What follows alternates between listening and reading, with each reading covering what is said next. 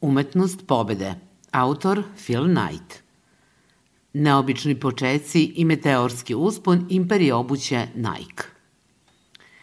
Sigurno ste čuli za uspešan slogan giganta obuće Nike, samo uradi to, just do it. Ovaj slogan pun nadahnuća i hrabrosti pratio je razvojni put kompanije i suosnivača Phila Knighta na putu do uspeha. Put je nesumljivo bio trnovit, skandali, tužbe, kreativni neskladi, potraga za ljudima širom sveta koji bi bili deo posla sa obućom za trčanje. Kako je Phil Knight gradio put do konačnog uspeha, sa kakvim se poteškoćama susretao i na koji način ih je savladavao, saznaćete u sledećim poglavljima. Saznaćete i manje poznate detalje kao što su zašto je naziv Nike savršen za patike za trčanje, kako to da nova vrsta lepka ne utiče na fabričke radnike, zašto je olimpijski trener eksperimentisao sa cipelama od riblje kože. Umetnost pobede, autobiografija Phila Knighta, osnivača Nike iz 2016. godine, fokusira se na težinu za rastom, kako je dečak iz Portlanda u Oregonu, koji je diplomirao novinarstvo, uspeo da stvori jednu od najvećih multinacionalnih kompanija. Knjiga koja govori o početnim godinama Nike čita se kao uzbudljiv thriller, čiji srećan kraj već znate. Ključna ideja 1. Luda ideja i putovanje oko sveta – Zašto je neko ko je novinar osnovao kompaniju obuće? Filove motivacije izgledaju različite. U prvom poglavlju, koje počinje 1962. godine kada je imao 24 godine, kaže da pored normalnih stvari kao što su porodice i uspeh, želi nešto više. Da je njegovo vreme na zemlji značajno, važno, kreativno, drugačije. Mladi Phil želi da ostavi trajni utisak. On želi da pobedi. Prvo želi da postane veliki sportista – ali ovaj, on nema dovoljno talenta. Kako može da se osjeća kao sportista na takmičenju, a da to nije? On već ima ludu ideju u školi. Još je tokom studija napisao rad mogu li japanske sportske cipele učiniti nemačkim sportskim cipelama, isto što su japanske kamere učinile nemačkim fotoaparatima. Baca se na posao vođen tom idejom o sportskoj obući i obećava sebi da, poput sportiste, nikada neće odustati. Sportista ne trči zbog cilja, već zbog samog trčanja. 1962. godine Phil Knight je tek završio poslovnu školu, bio je stidljiv i užasan prodavac. Međutim, to ga nije sprečilo da sledi viziju koju je imao. Phil je želao da uveze japanske patike za trčanje u Ameriku, a posebnu pažnju su mu privukle patike Tiger, koje je proizvodila japanska kompanija Onizuka.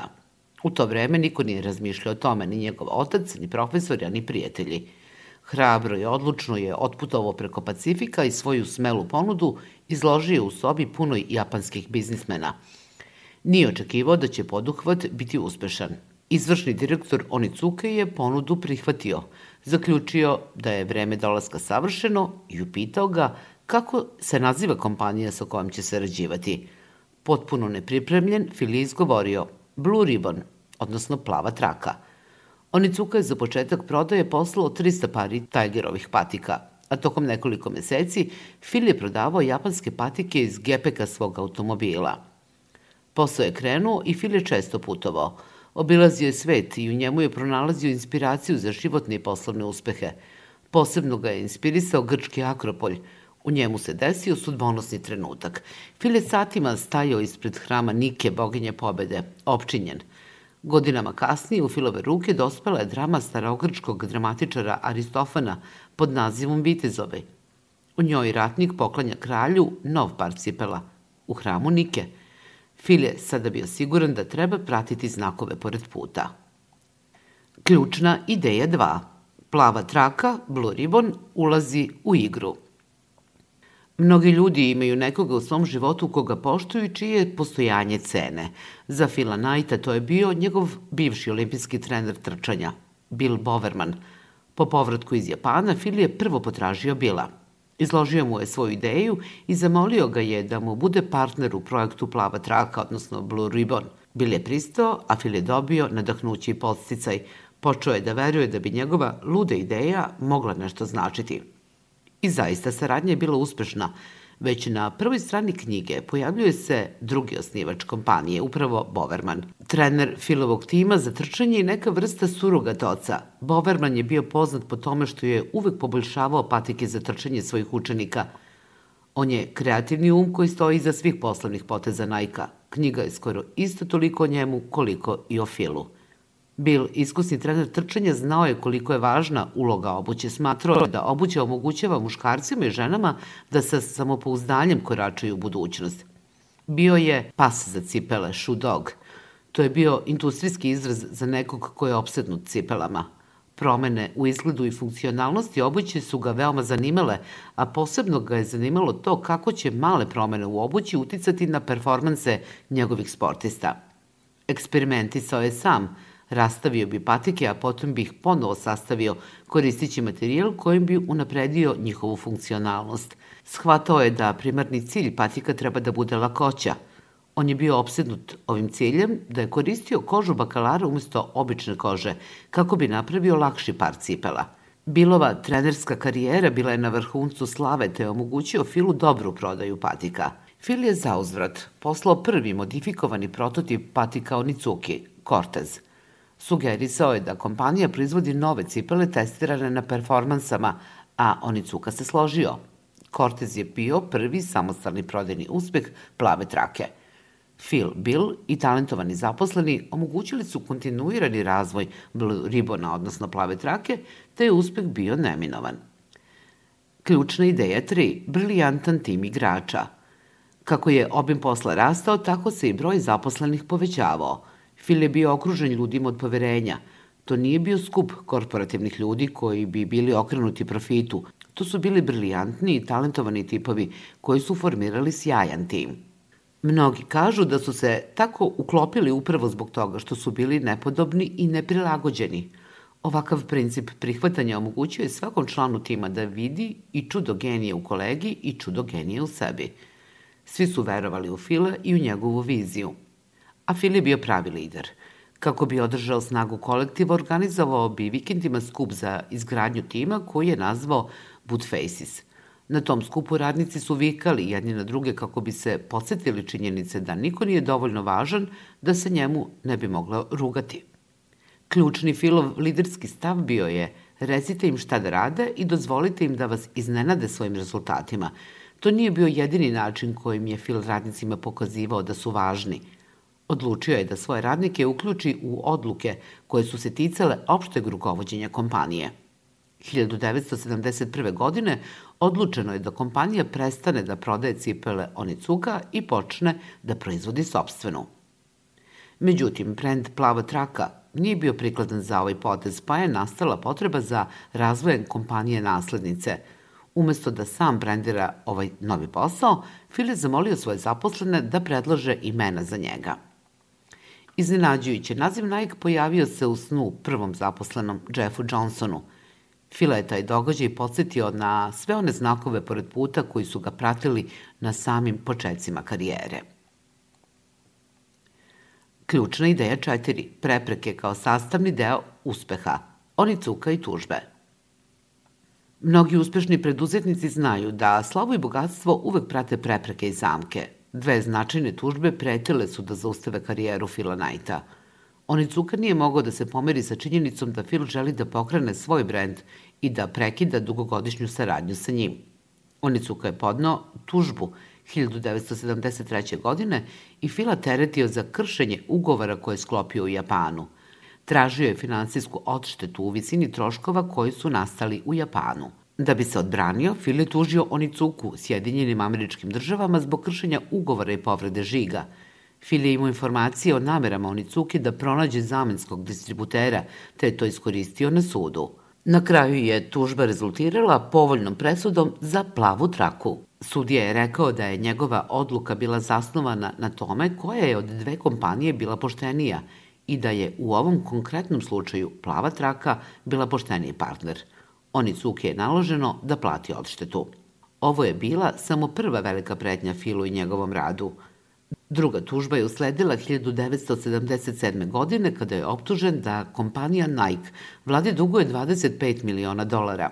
Nevolje su počele kada je konkurencija Nike kompanije Keds i Converse zajedno radila na otkrivanju rupe u zakonu, nejasnog zakona nazvanog Američki zakon o prodajnoj ceni. Prema tom zakonu određene vrste patika morale bi biti procenjene znatno većim carinama. Kompanija Nike je optužena da je te zakone prekršila. Phil nije hteo da odustane bez borbe. Nakon velikog broja pokušaja da odbaci tužbu, Phil je prihvatio nagodbu od 9 miliona dolara – Znao je da se vladi ne sme mnogo zameriti jer to za kompaniju nikako ne bi bilo dobro. Ključna ideja 5. Razvoj i čuvanje samostalnosti i integriteta kompanije.